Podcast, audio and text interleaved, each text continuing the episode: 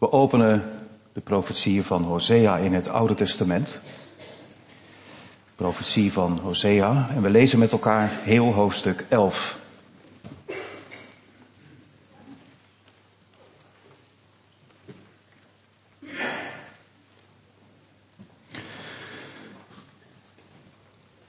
Het betekent niet, eh, gemeente, dat op een Israëlzondag er alleen maar uit het Oude Testament gepreekt kan worden omdat het daarover Israël gaat, ook in het Nieuwe Testament.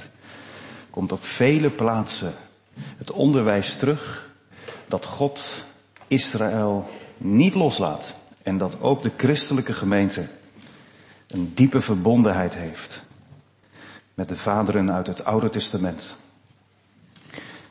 Maar de reden dat we Hosea 11 lezen uit het Oude Testament heeft alles te maken met de diepgang in dit stuk waarin God zelf aan het woord is en jongens en meisjes, zoals wij dat dan zeggen, in zijn hart laat kijken wat daar aanwezig is aan liefde, aan bewogenheid, aan ontferming, maar ook aan toren, kortom, alles wat er in Gods hart is richting Israël. Hoe zouden wij de band tussen God en Israël beter kunnen leren kennen dan door God zelf het te laten vertellen? Laten we samen lezen. Toen Israël een kind was, had ik hem lief. En uit Egypte heb ik mijn zoon geroepen. Maar hoe meer zij hen riepen, hoe meer zij van onder hun ogen wegliepen. Aan de Baals offerden zij. En voor de afgodsbeelden brachten ze reukoffers. Ik echter leerde Ephraim lopen. Hij nam hen op zijn armen. Maar zij erkenden niet dat ik hen genas. Ik trok hen met menselijke touwen, met koorden van liefde. Ik was voor hen als zij die het juk van, hun, van op hun kaken omhoog tillen. En ik reikte hem voer toe. Hij zal niet terugkeren naar het land Egypte, maar Assyrië, dat zal zijn koning zijn. Want zij weigeren zich te bekeren. Het zwaard zal in zijn steden rondgaan en het zal zijn grendels vernietigen en verslinden vanwege hun opvattingen. Mijn volk volhardt in afkeer van mij. Ze roepen wel tot de Allerhoogste, maar gezamenlijk roemt men hem niet. Hoe zou ik u prijsgeven, Ephraim? U uitleveren, Israël. Hoe zou ik u prijsgeven als Adama en met u doen als met Zeboïm? Mijn hart keert zich in mij om. Al mijn medelijden is opgewekt. Ik zal mijn brandende toren niet ten uitvoer brengen.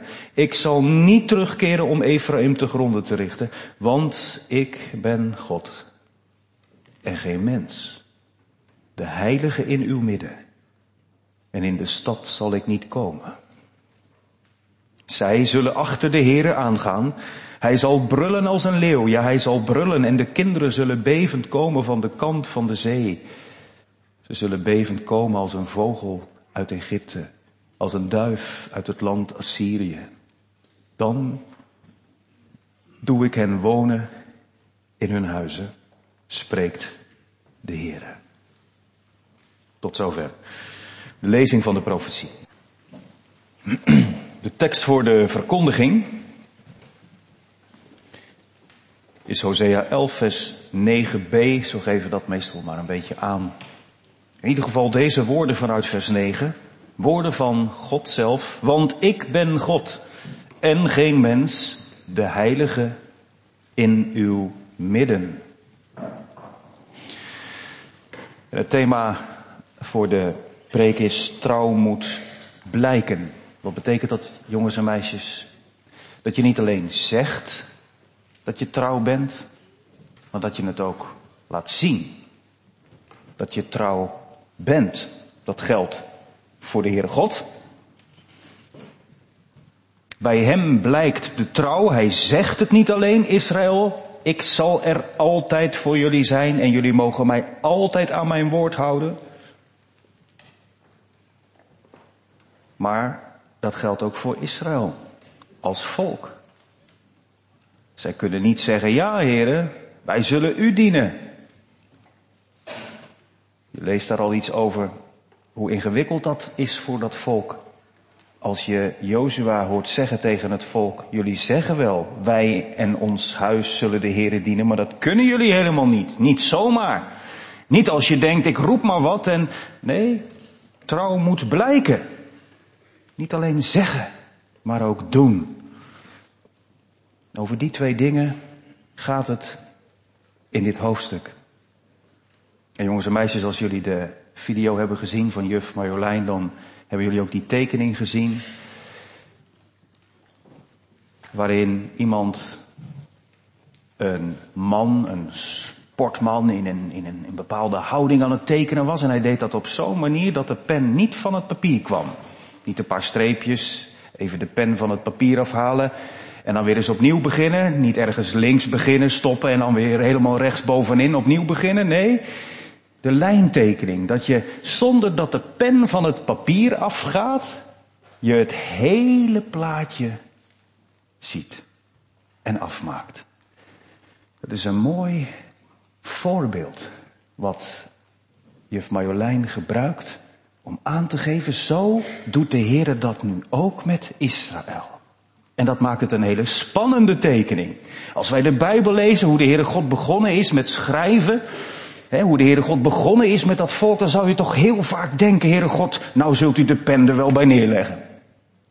Of dat je de pen van God, als je hem ziet schrijven over hoe het volk verdrukt werd in Egypte, dat, dat je denkt, oh die Egyptenaren die stoten zo hard tegen de hand van God, nou komen er allemaal krassen en nou, nou, nou gaat het plan niet lukken.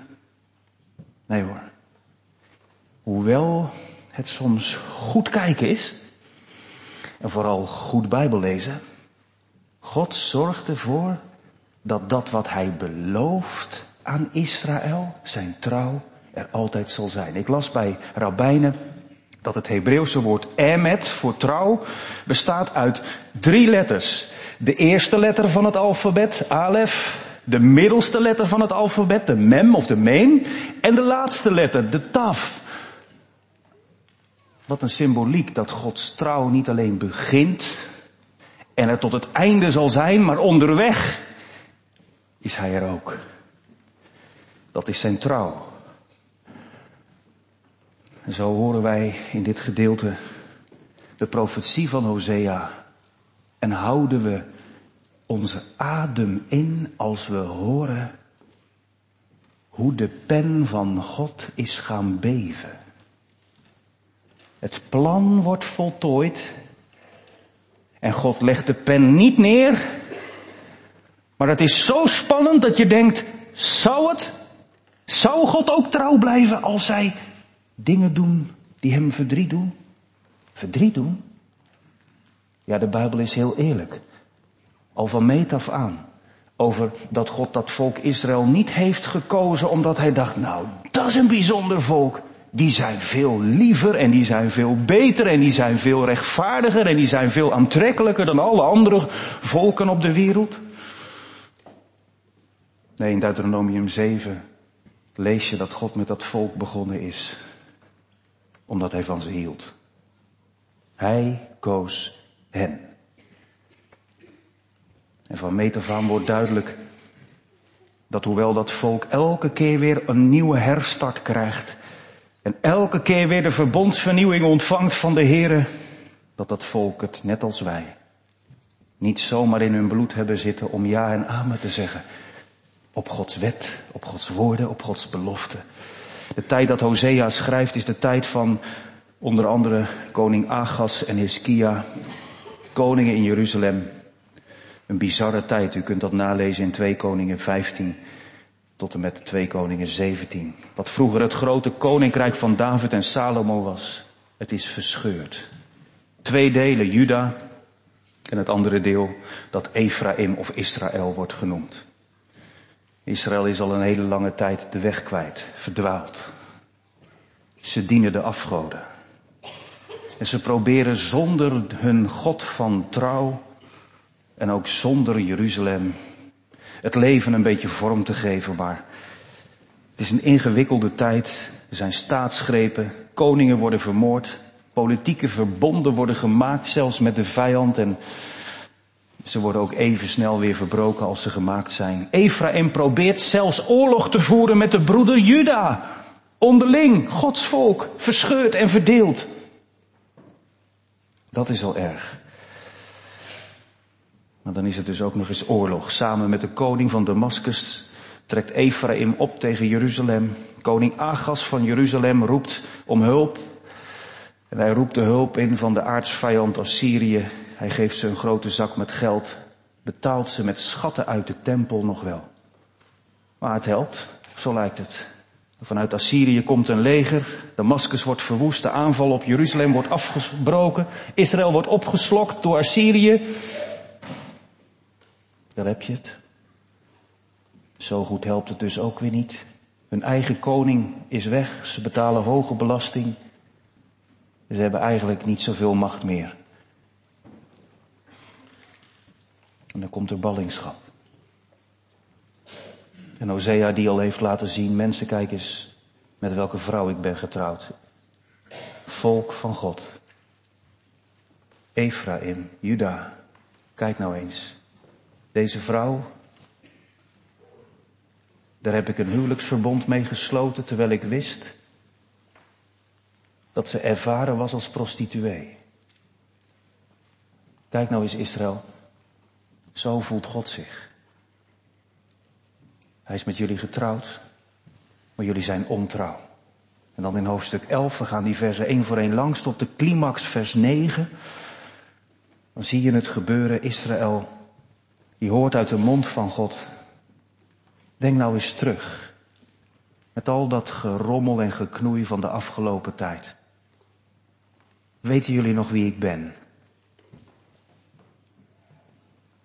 He, zoals, zoals ik dat soms ook wel eens doe. Dat moet je niet te vaak doen, want dan wordt het een trucje, maar even op het gemoed spelen van een jongen die in een bepaalde leeftijd zit in het gezin. Hè. Daar hebben we een mooi woord voor. Het begint met een P en het eindigt met een T. En dan, uh, dan zeg je, joh, je hebt nou best wel een beetje grote mond tegen je moeder, maar zij is degene die je opraapte toen je viel. Weet je hoeveel vieze luiers en pampers zij heeft verschoond bij jou? Bijna altijd zonder klagen. Zij was degene die als je maar een kik gaf s'nachts aan de rand van je bed stond, hè? Ja, dat helpt soms wel. Om weer even terug te gaan als ze je niet begrijpen als opvoeder. Naar hoeveel liefde, geduld en aandacht er aan te grondslag ligt dat jij überhaupt op je benen staat. Dat je bent geworden wie je bent. En ik zeg er om pastorale redenen maar bij, als het goed is, zoals het goed bedoeld is. Want helaas kunnen niet alle kinderen zeggen dat ze die aandacht in hun jeugd hebben gehad. Maar toch, dat is het beeld. Hoor eens, vers 1. Toen Israël een kind was, had ik hem lief. Het is opvallend dat hij niet naar de woestijnperiode wordt, wordt terugverwezen door de profeet. Dat doet hij in hoofdstuk 2 en hoofdstuk 9 wel, maar vooral naar de periode van de slavernij. In Egypte. Uit Egypte heb ik mijn zoon geroepen. Daar ben ik begonnen. Hoor je de relationele termen? Israël was mijn kind. En ik had ze lief. Hoort u dat? En uit Egypte heb ik mijn zoon geroepen. Maar nadat dat gebeurd was en ik voor ze zorgde door Mozes en later door allerlei andere profeten, dat zijn de zij in vers 2, maar hoe meer zij hen riepen, lees de profetieën maar door, hoe God bij monden van zijn profeten steeds er voor zijn volk was tot ze riep, keer terug, stop met overspel. Houd je aan mijn geboden. Doe dat, want anders, ik moet ingrijpen en ik zal het doen. Hoe meer God van zich liet horen door de profeten, hoe meer zij van onder hun ogen wegliepen. Dit komt bij God vandaan, hè? Hij wil dat zijn volk dat weet. Dat hij het allemaal heeft gezien. En dat even in de taal van Hosea.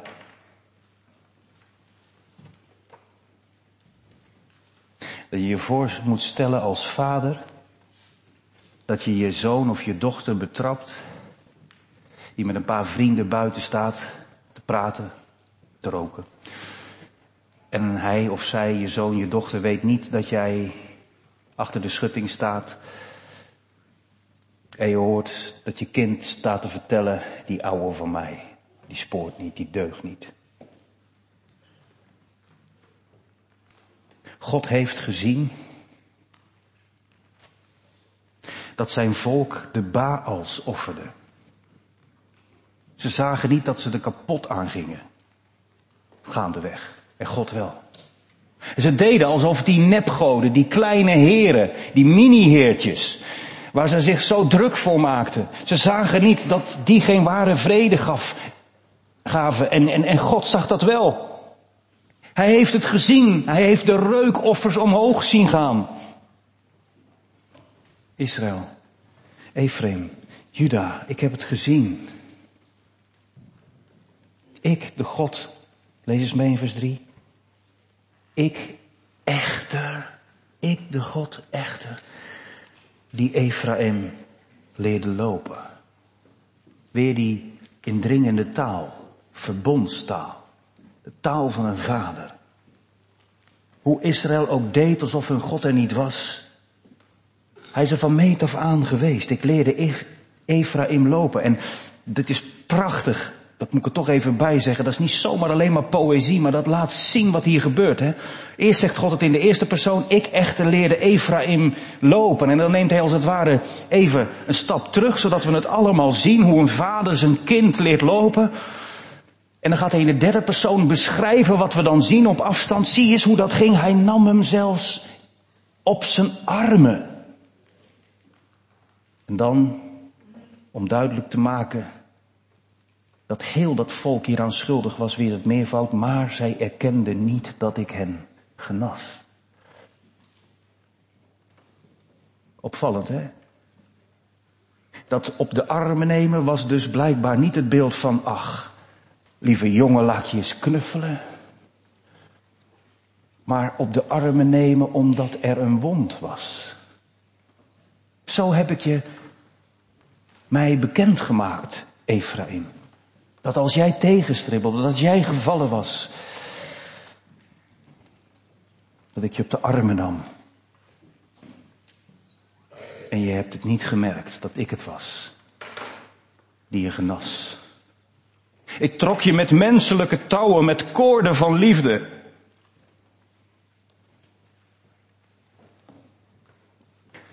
Er zit zoveel liefde in dat God trekt. Het beeld wat hier gebruikt wordt van trekken met koorden heeft alles te maken, dat kan niet anders met dat Israël wilde weglopen.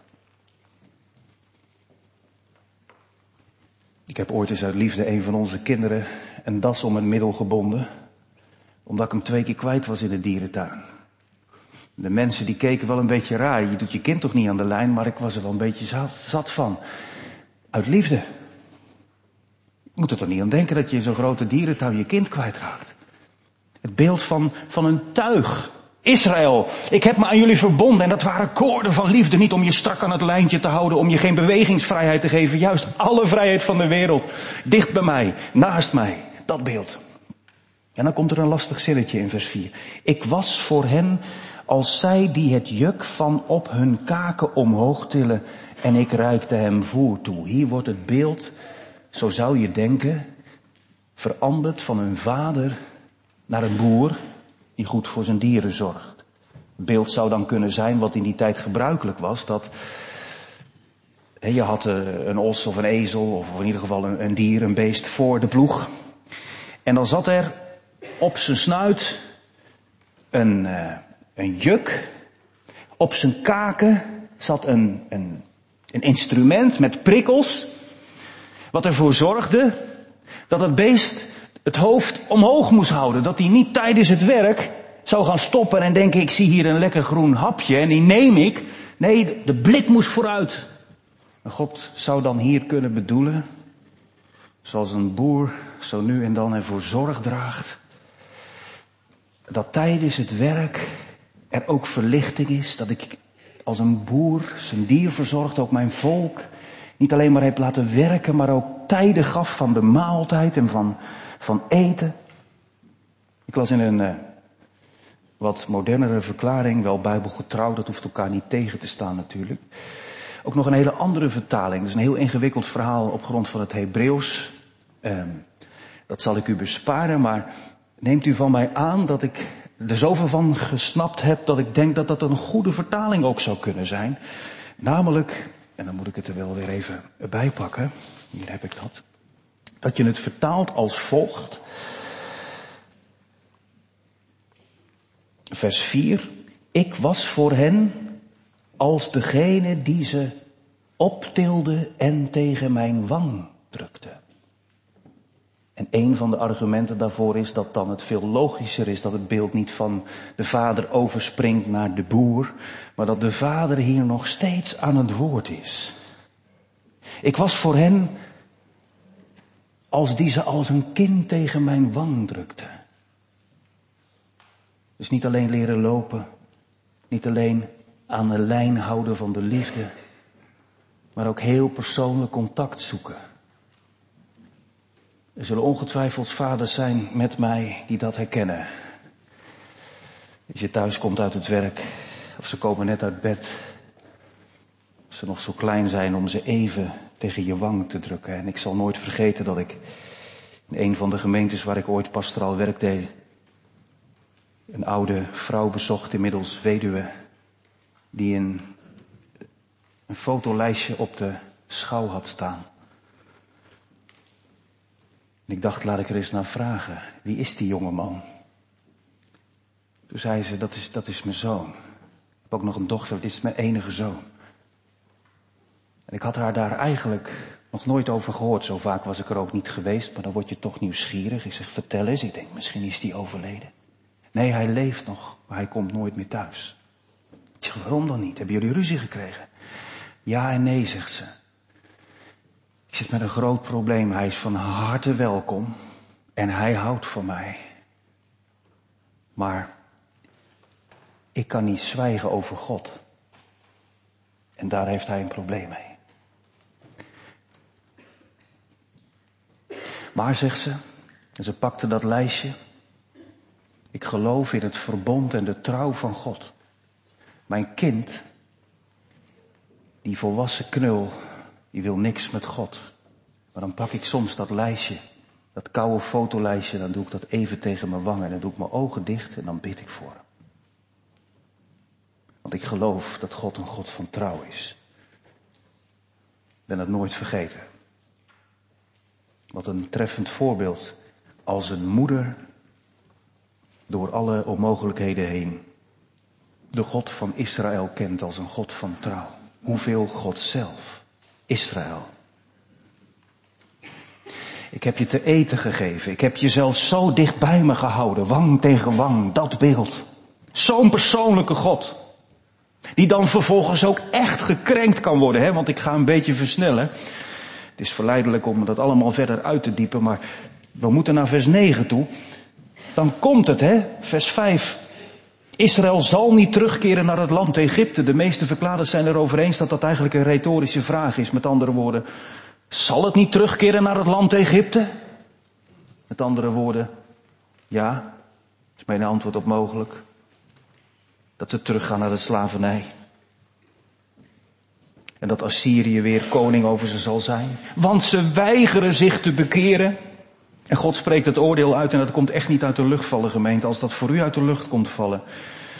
Als het over de toren van God gaat in de prediking. Als je de toren van God tegenkomt in de Bijbel en je denkt, hé, wat is dit? Dan zegt dat meer over u dan over God. Dan zou het wel eens kunnen zijn dat ons beeld van God zo is afgevlakt. Dat leren we ook, hè? Dat leren we ook als we letten op op hoe God met Israël omgaat, dat dat beeld zo afgevlakt is. Van God vergoeilijkt alles en je komt er wel weer mee weg en zo. Nee, het zwaard zal in zijn steden rondgaan en het zal zijn grendels vernietigen en verslinden vanwege hun opvattingen. Mijn volk volhardt in afkeer van mij. Ze roepen wel tot de Allerhoogste, maar ze roemen me niet, ze noemen mijn naam.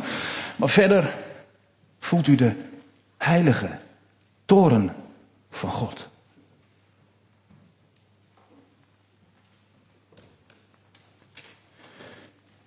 Je ziet de pen beven, zei ik. God neemt geen genoegen met een halfslachtig trouw zijn van zijn volk. En hij vertelt het ze eerlijk en oprecht. Dit is wat dit met mij doet. Dogmatici lopen hier mee vast. Ik ben blij dat ze er zijn, ik ben het zelf niet zo. Um, en toch, als je probeert het in kaart te brengen en je gaat nu verder lezen en je hoort dat Gods hart zich in hem omkeert en dat zijn medelijden, de Statenvertaling vertaalt, dat zijn berouw wordt opgewekt. Wat, wat, wat is dit? Voelt u de spanning? Als we laten staan wat er staat, dat de God van Israël, hoewel met menselijke woorden, maar dat is de enige nuance die ik erbij maak en voor de rest laat ik het staan. God is groter dan wij, maar hij past zich in die zin zo aan ons aan dat hij beelden van een vader gebruikt, dat hij beelden in dit boek gebruikt van een gekwetste echtgenoot om aan te geven, kijk nou eens in mijn hart. En wie durft dan te zeggen dat ik geen recht heb om mijn eigen volk Israël te straffen? Maar wie zal zijn vinger durven wijzen naar God als God zegt en toch, hoewel ze straf verdiend hebben? En dan komt vers 8 als een brug naar vers 9. Hoe zou ik je prijs geven, Ephraim? U uitleveren, Israël. Hoe zou ik u prijsgeven als Adama en met u doen als met Zeboim? Twee vrij onbekende Bijbelse plaatsen, maar die, als ik de namen van Sodom en Gomorra noem, dan weet u hoe laat het is. Ze worden in één adem genoemd. Goden aan wie, uh, volken aan wie God zich niet verbonden had. Volken waar Abraham voor in de bres was gesprongen, maar het was te gortig. Volken die het vuur uit de hemel en de zwavel hebben gezien. Volken die de terechte toren van God over zich heen hebben gekregen. En toch, God maakt hier onderscheid. En dan moet ik op heilige grond mijn schoenen uitdoen. En voorbuigen dat God zegt, ik doe met jullie niet zoals met die andere volken. Ik heb mij speciaal aan jullie verbonden. Ik kan jullie niet prijsgeven. Ik kan jullie niet loslaten. Het kan soms zo ver gaan in een verhouding tussen vader en zoon of dochter. Ik gebruik nog maar even het beeld van de vader. Dat er een verwijdering komt en je op je hart wordt getrapt je kind loslaten. Doodzwijgen. De lijn doorknippen. De pen neerleggen. God kan het niet. Niet met Israël. Zijn hart keert zich in hem om. Niet alleen als hij ziet dat ze naar de vernieling dreigen te gaan door eigen schuld.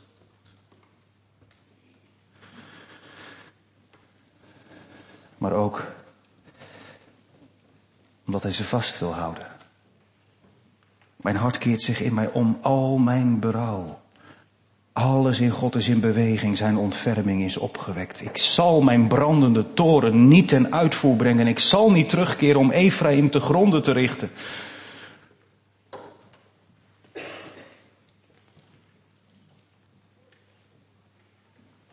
Ik zal mijn brandende toren niet ten uitvoer brengen. Die is er dus wel, gemeente.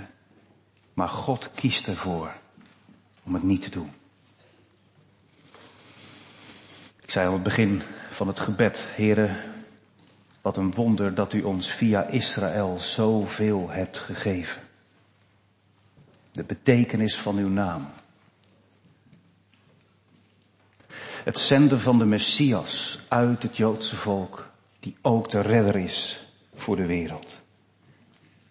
Ik zal mijn brandende toren niet ten uitvoer brengen. Zoals u dat met Israël niet hebt gedaan. Zo doet u dat ook niet met een ieder die terugkeert.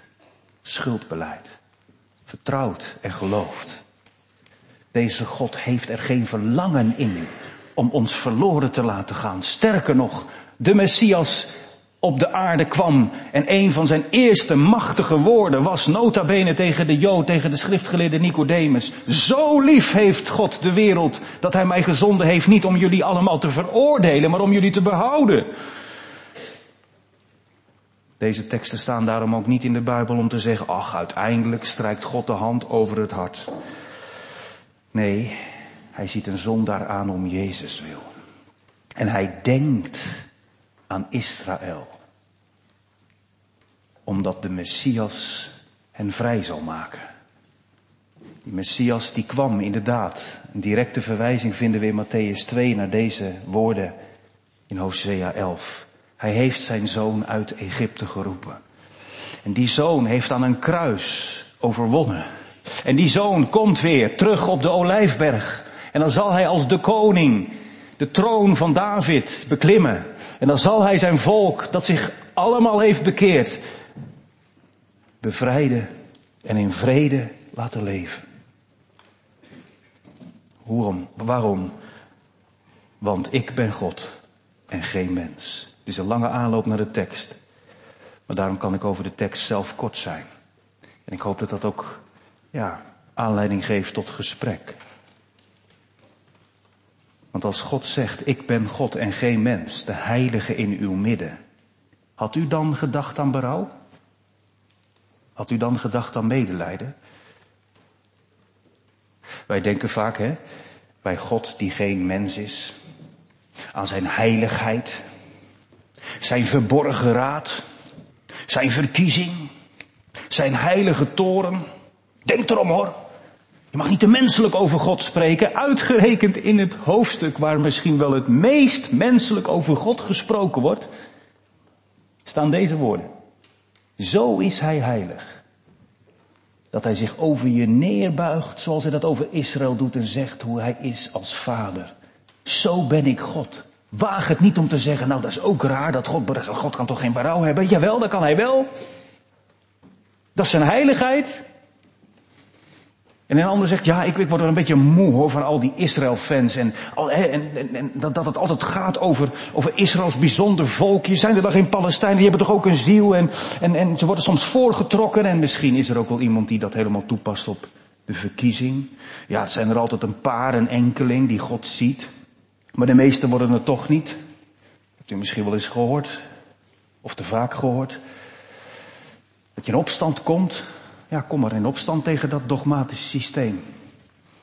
Maar laat je vooral leiden door de Bijbelse werkelijkheid. Waar de pen soms trilt. Waarvan je soms denkt, stopt God. Nee. Ik ben God en geen mens. Ik ben de heilige in jullie midden. Daarom zal God ervoor zorgen. Dat heel Israël weer achter hem aan gaat komen. En dan zal hij brullen als een leeuw denk als ik aan de vele jonge gezinnen denk, dat je denkt, nou ja, wat moet ik hier nou mee als ik dit aan tafel lees met al die jonge kinderen erbij? Nou, dan mag je uitleggen dat God een leeuw is. Hij brult niet uit frustratie. Hij brult niet om te verslinden. Hij brult als een leeuw met macht, als de koning van de dieren van het woud. Hij zal ervoor zorgen als de stem klinkt van koning Jezus van de Messias. Als de bazuin klinkt, de shofar geblazen wordt, dat de laatste die nog niet kwam is teruggekeerd. En we zien er in de loop van de geschiedenis al iets van gebeuren. Ongedacht, vanuit alle hoeken en streken van de wereld komen ze. Ze zullen gebracht worden. En dan staat er heel opvallend, vind ik, de kinderen zullen bevend komen, zeker. Wie zal wegblijven als hij spreekt? Maar ze komen ook als een vogel. Welke vogel zou niet wegvliegen als de leeuw brult? Maar dit is tegelijkertijd de vader. Die zijn zoon zond. Israël zondag. Daar waar de pen soms hapert, legt God hem niet neer. Wie durft te zeggen dat God op is gehouden met aan Israël te denken? En die zegt, het zijn ook geen lievertjes. Die mag nooit een punt zetten. waar God een kruis heeft getekend.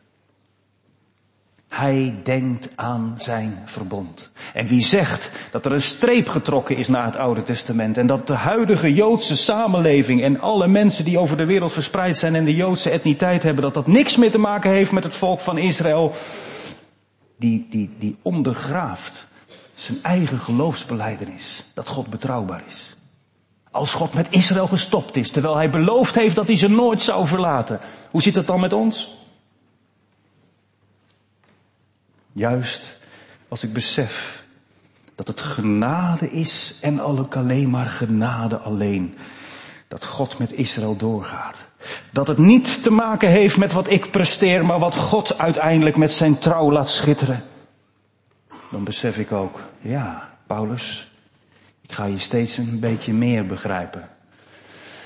Hoe is het toch mogelijk? In Romeinen 10 bouwt hij de spanning op. God heeft ervoor gezorgd dat het met Israël goed kon komen. Hij heeft gezorgd voor mensen die zijn gezonden, voor mensen die zijn gaan spreken. En toch, heeft Israël het dan niet begrepen? Jezaja heeft het al gezegd, zegt Paulus. Uiteindelijk werd God gevonden door hen die mij niet zochten. En ik heb mij bekend gemaakt aan degenen die naar mij niet vroegen. Dat zijn wij, volk uit de heidenen. En met het oog op Israël heeft hij gezegd, heel de dag heb ik mijn handen uitgebreid naar een ongehoorzaam en tegensprekend volk. Maar dan niet stoppen. Romeinen 11. Ik zeg dan, heeft God zijn volk verstoten? Volstrekt niet. God zorgt dat heel Israël zalig wordt. Want de genadegave en de roeping van God zijn onberouwelijk. En dan tot slot. En wij?